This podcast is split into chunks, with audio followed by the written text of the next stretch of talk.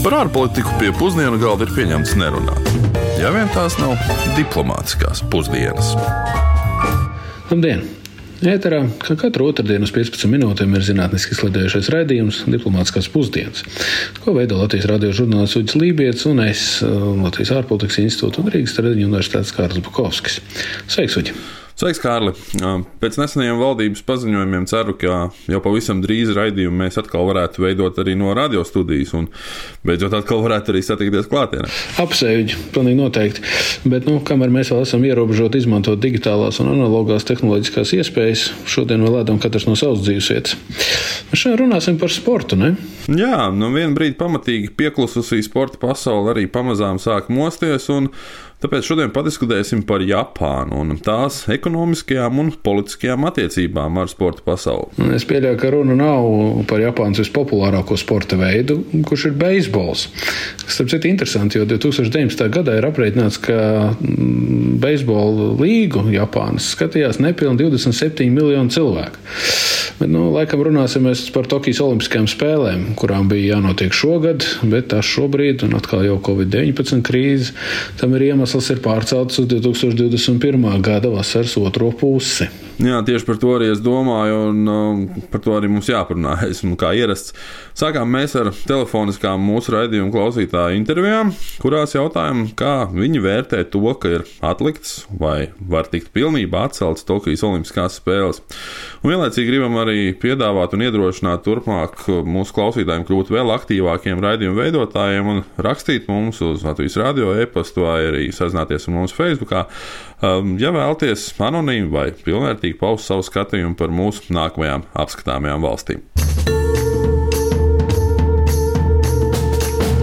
Ņemot vērā, ka rudenī, ziemā daudz vietā gaidāms otrais pandēmijas vilnis, uzskata, ka Tokijas Olimpiskajām spēlēm vai nu bija jānotiek paredzētajā laikā, vasaras beigās, vai arī cerot uz vakcīnu, tās varētu notikt nākamgad, tika pārceltas. Ņemot vērā, ka visi atceļ publiskus pasākumus Covid dēļ, arī Olimpisko spēļu pārcelšana, manuprāt, ir atbildīgs lēmums, un nu, no tā nevarēja nekādi izvairīties. Jo, nu, būtu neiedomājami šādos apstākļos rīkot tādu pasākumu, pat ņemot vērā, cik tas ir nozīmīgs un cik apjomīgs. Es noteikti uzskatu, ka pārcelšana bija adekvāts lēmums. Nu, ceru, ka uh, nākamgad būs iespēja viņus realizēt. Nu, iemesli ir nu, diezgan saprotami, un es arī atbalstu šādu lēmumu pašreizējā situācijā pārcelt Olimpiskās spēles, un varbūt pat var teikt, ka īsti negaidīju šovasar vairāk pārdzīvoju to, ka futbola čempionāts nenotiks. Bet, nu, jāsaka, ka Olimpiskām spēļu pārcelšanai ir arī viens, nu, tas negatīvais aspekts, kas varbūt tās netik ļoti patīk, ir tas, ka izjauksies citu sporta spēļu grafiki nākamā sezona, proti dažādu čempionātu rīkošana tiek pārcelt vēl uz aiznākamo gadu. Tas ir, nu, tas negatīvais, kas šajā situācijā ir. Skaidrs, ka iedzīvotāji domas par šo dalās, un um, laikam jau atkarīgs arī no tā, kā sportu vispār uztveram un cik ļoti tam sekojam līdzi katrs individuāli. Bet jāsāk laikam ar Japānas kā trešās lielākās pasaules ekonomikas aplūkošanu. Jā, no Japānas nozīmīgums pasaules ekonomikā ir būtisks. Valsts uzņēmumu un ražojumu klātbūtne mūsu ikdienā ir kļuvusi par normu, un Japāna vairākas desmitgadus ir bijusi tehnoloģiskās attīstības, robotizācijas un automatizācijas, nu, mūsdienās arī digitalizācijas vadošajās pozīcijās. Nu, varētu pat sacīt, ka modernizācija Japānai ir ikdiena, tas kā nacionālais uzstādījums, un uh, ir jau arī jautājumi, kuros šī 120 25,5 miljonu iedzīvotāju valsts šķiet, ka dzīvo jau 22. gadsimtā. Valsts IKP ir 4,5 eh, triljonus eiro liels, kamēr IKP uz vienu iedzīvotāju ir 40 tūkstoši eiro liels, un tas pēc pirktspējas paritātes. Bet, eh, kā jau mēs vairāk kārtīgi esam salīdzinājuši, nu, protams, ka šis Japānas eh, rādītājs ir lielāks par Latvijas nepilnījiem 27 tūkstošiem eiro uz vienu iedzīvotāju. Bet, protams, kā katra lieta, Japānas ekonomika un politika ir ļoti sarežģītas. Um, Japāna ir demokrātiska valsts, uh, kur valsts galva ir imperators. Kopš pagājušā gada 1. maija Japānā kalendāru sāk skaitīt no jauna un sākās šī brīža reiva ēra. Nu, tam gan nav nekādas saistības ar reivu kā mūzikas stilu, bet gan ar faktu, ka tronī ir stājies 126. Japānas imperators Naruhito. Viņa tiesības ir kopumā visai ceremoniāls un simboliskas, un svarīgi gan, ka viņš ir arī Japānas šinto reliģiskais līderis. Um, līdzīgi kā imperatora tiesības ierobežojumi, arī pārējās politiskās institūcijas ir definētas pagājušā gadsimta 47. gadā pieņemtajā Japānas konstitūcijā. Un ir interesanti, ka šajā sabiedroto spēku veiktajā pēckara konstitūcijā vēl līdz mūsdienām nav veikts neviens labojums. Un atbilstoši šai konstitūcijai, likumdošanas vara pieder Japānas divpalātu parlamentam, kurā kopumā ir 710 deputāti. Un salīdzinājumam varam minēt, ka Eiropas parlamentā ar trīsreiz lielāku iedzīvotāju pārstāvniecību deputātu ir tikai 705. Un politiskā vara gan ir Japānas valdības un tās vadītāja Šinzo Abes rokās, kurš ir kļuvis arī par visilgāk valdošo Japānas premjerministru valsts vēsturē. Japānas ekonomika ir burtiski izkaisīta par gandrīz 7000 salus, kurā valsts atrodas. Darba etika, valdības un ražotāja sadarbība, jau minētā koncentrēšanās augstajām tehnoloģijām, kā arī slavenā Keirecu sistēma, kuras ietvaros produktu ražošana, piegādes un izplatīšana lielā mērā tiek veikta vienas kompānijas centralizētā ietvarā. Nu, tās visas šīs lietas ir bijušas par pamatu Japānas ekonomiskajam spēkam pēdējo 70 gadu laikā. Pēdējo desmit gadu laikā ekonomika nevairāk kārtīgi piedzīvojusi arī stagnāciju, un šā brīža Covid-19 radītās problēmas jau tiek paredzēts, kāds tās jūtam negatīvo iespēju uz valsts ekonomiku. Kopš 2013. gada Japānā tiek īstenota tā, tā dēvētā abenomika, kā to sauc, kas ir vārdu spēle ar esošā premjerministra uzvārdu. Un šī abenomika ir bijusi centrēta uz ārvalstu un pašmāju konkurences palielināšanu valstī, un premjera abas vadībā tiek veiktas struktūrālas pārmaiņas lai mazinātu zemās dzimstības un novecojušās sabiedrības radītos spiedienus, stimulētu izaugsmu.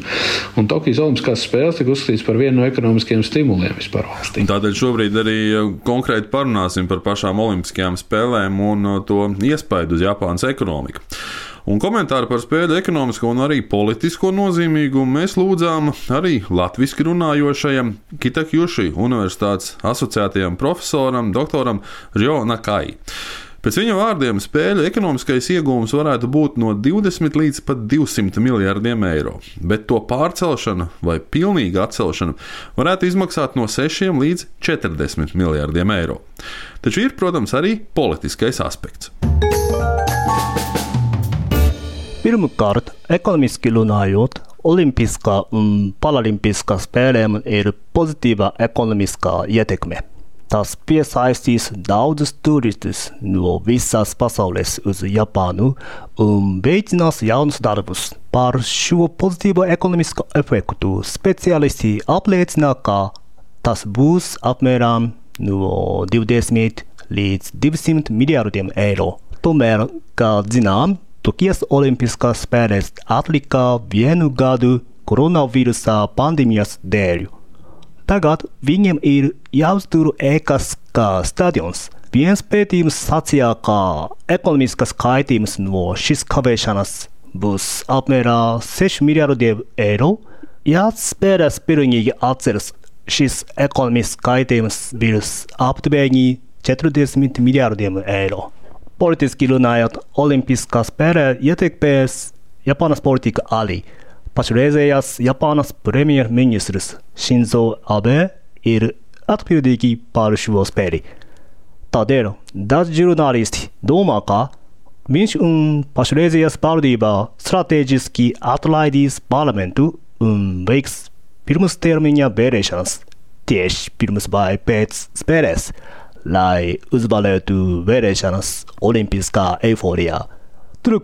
Turklāt premjerministrs Abe veiks viņu termiņu, kā viņa valdības partijas LDP priekšsēdētājām 2021. gada septembrī, kad notiks Olimpiskā un Paralimpiskā spēlēs. Tātad Olimpiskās spēlēs veiksmē vai neveiksmē ietekmēs, kurš būs nākamais RDP priekšsēdētājs un nākamais Japānas premjerministrs. Citiem vārdiem sakot, es domāju, ka šī ietekmēs to, kurš būs nākamais līderis Austrumāzijas brīvā pasaulē un pēc tam pasaules diplomātiskā politika arī. Šeit vietā ir atgādināts, ka Olimpiskās spēles modernajā vēsturē ir atceltas tikai trīs reizes, un tas vienmēr noticis pasaules karu dēļ. Pārceltas tās tikušas vēl nav. Pat terora draudu vai to īstenošanas apstākļos. Jautājums ir, kādu ietekmi atstās Covid-19 pandēmija, un vai bezdarbs un ekonomikas sarukums pasaulē nozīmēs arī mazāku skatītāju loku Japānā. Varbūt arī Ķīnas tūms vēl vairāk atbaidīs potenciālos skatītājus. Startautiskā olimpiskā komiteja pat ir izskatījusi variantu, ka varētu noturēt spēles bez faniem arēnā vai arī izstiept sacensības līdz pat 2022. gadam. Nu jā, izskatās visnotaļ savādi, bet nu, pašas olimpiskās spēles kļūst par Japānas ekonomisko risku plānotā ieguvuma un izaugsmas vietā. Ir pat aprēķina, ka pat Japānas ekonomika dēļ šī fakta varētu sarukt par, par veselu pusotru procentu. Arī mūsu uzrunātais bankas citadēla ekonomists eh, Mārtiņš Āboliņš par Olimpisko spēļu pozitīvo efektu gan Japānai, gan citām rīkotāju valstīm kopumā gan ir visnotaļ piesardzīgs. Visas katrām Olimpiskajām spēlēm ir liels solījums par to, kādas teiksim, labumus nesniedz ekonomikai. Bieži vien pēc tam tie pētījumi, kas mēģina izmērīt, eh, nu, tie secinājumi nav varbūt tik ļoti laimojoši. Un, protams, saprotams, eh, organizācija maksā daudz, un līdz ar to ir kaut kāda vēlme arī, arī redzēt iegūmus ekonomikā. Ja mēs skatāmies uz Japānu, piemēram, uz šo gadījumu, nu, tur tās ietekmes, kas tiek lēstas, nu, viņas tomēr vairāk vai mazāk ir 0, eh, kaut kas no IKP līdz pusprocentam. Nu, Reiķinām arī Japāna ļoti liela valsts. Protams, ka mazākās valstīs tā ietekme varētu būt lielāka. Tā ietekme ir faktiski divās daļās sadalās. Viens ir no tā, ka uh, to infrastruktūru būvē pirms Olimpiskajām spēlēm, un tad ir jautājums, kā viņi tiek finansēti, kas var radīt kaut kādas problēmas. Un, un otrs, protams, ir kāda tā ietekme nu, gan no pašām spēlēm, tad, tad cilvēki, kas brauc viņu skatīties, gan arī vienmēr ir tāda liela cerība, nu, ka būs kaut kāda paliekoša ilgtermiņa ietekme, teiksim, pilsētas jau parāda kartē, un pēc tam viņi ir tā, tā, teiksim, populārs turismu objekts, uz ko cilvēki brauc arī daudz gadus pēc tam. Piemēram, ja mēs runājam par turismu skaitu, tad um, Pekinas un, un Londonas Olimpiskās spēles 2008. un 2012. gads. Īsumā tajās vasarās, tajās pilsētās iedzīvotāju skaits īstenībā bija mazāks nekā citus gadus. Jo, jā, ir cilvēki, kas brauc skatīties spēles, bet tajā pašā laikā ir cilvēki, kas domā, nu, jā, tur notiek spēles, tur būs ļoti daudz cilvēku, tur būs dārgi un pārbāzti. Cilvēkiem ir izvēles braukt kaut kur citur. Daļa brauc, bet daļa īstenībā neaizbrauc, kas būtu normāli aizbraukuši. Tādēļ, nu jā, tie ekonomiskās ietekmes vērtējumi tiešām ir ļoti dažādi. Es esmu pietiekami piesardzīgs. Es domāju, ka valstīm bieži vien tas iegums diezgan vai daudz lielāks par tām izmaksām, kas aiziet rīkojot spēles. Bet, nu, tas, protams, ir atkarīgs atkarībā no kurš rīko un, un cik tā rīkošana ir izmaksājusi.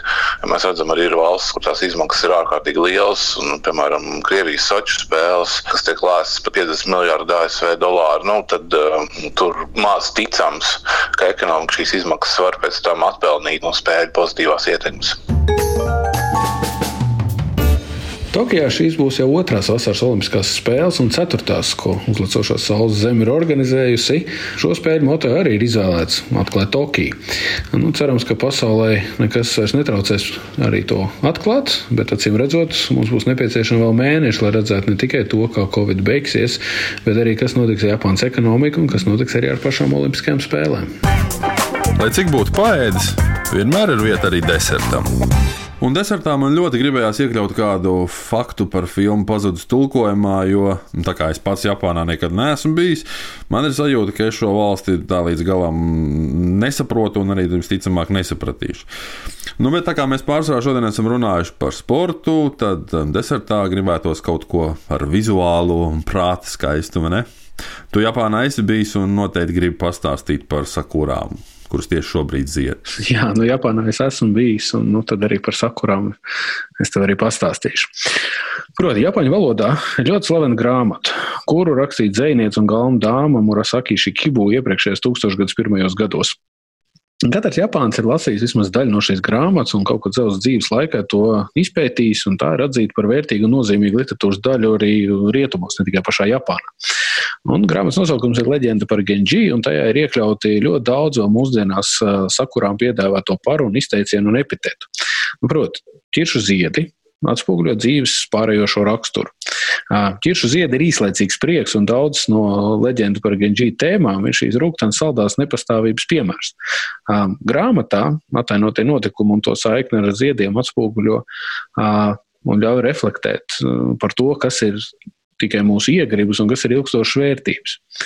Un šajā filozofiskajā saiknē ar šo notiek arī ikgadējā Hanami tradīcija, kas iekļauj arī sakuru skaistumu vērošanu, tām ziedot no marta beigām līdz māja sākumam visā Japānā. Un šī senā tradīcija ir kļuvusi par vienu no svarīgiem turistu piesaistes veidiem mūsdienās. Jā, Latvijā ķiršu ziedēšana dažviet jau ir beigusies, dažviet vēl turpinās. Un jācer, ka arī šajās dienās gaidāmais sniegs arī būs tikai tāds īslaicīgs un pārējošs, varbūt prieks citiem. Vienkārši pārdzīvojums. Lai jums lieliska šī darba nedēļa, un tiekamies jau nākamajā otrdienā, kad pēc ilgāka laika dosimies atkal uz tuviem austrumiem, jo kara plosītajā Sīrijā paredzētas parlamentu vēlēšanas. Izdodas, lai. Diplomātiskās pusdienas katru otrdienu pusdienos Latvijas Radio 1.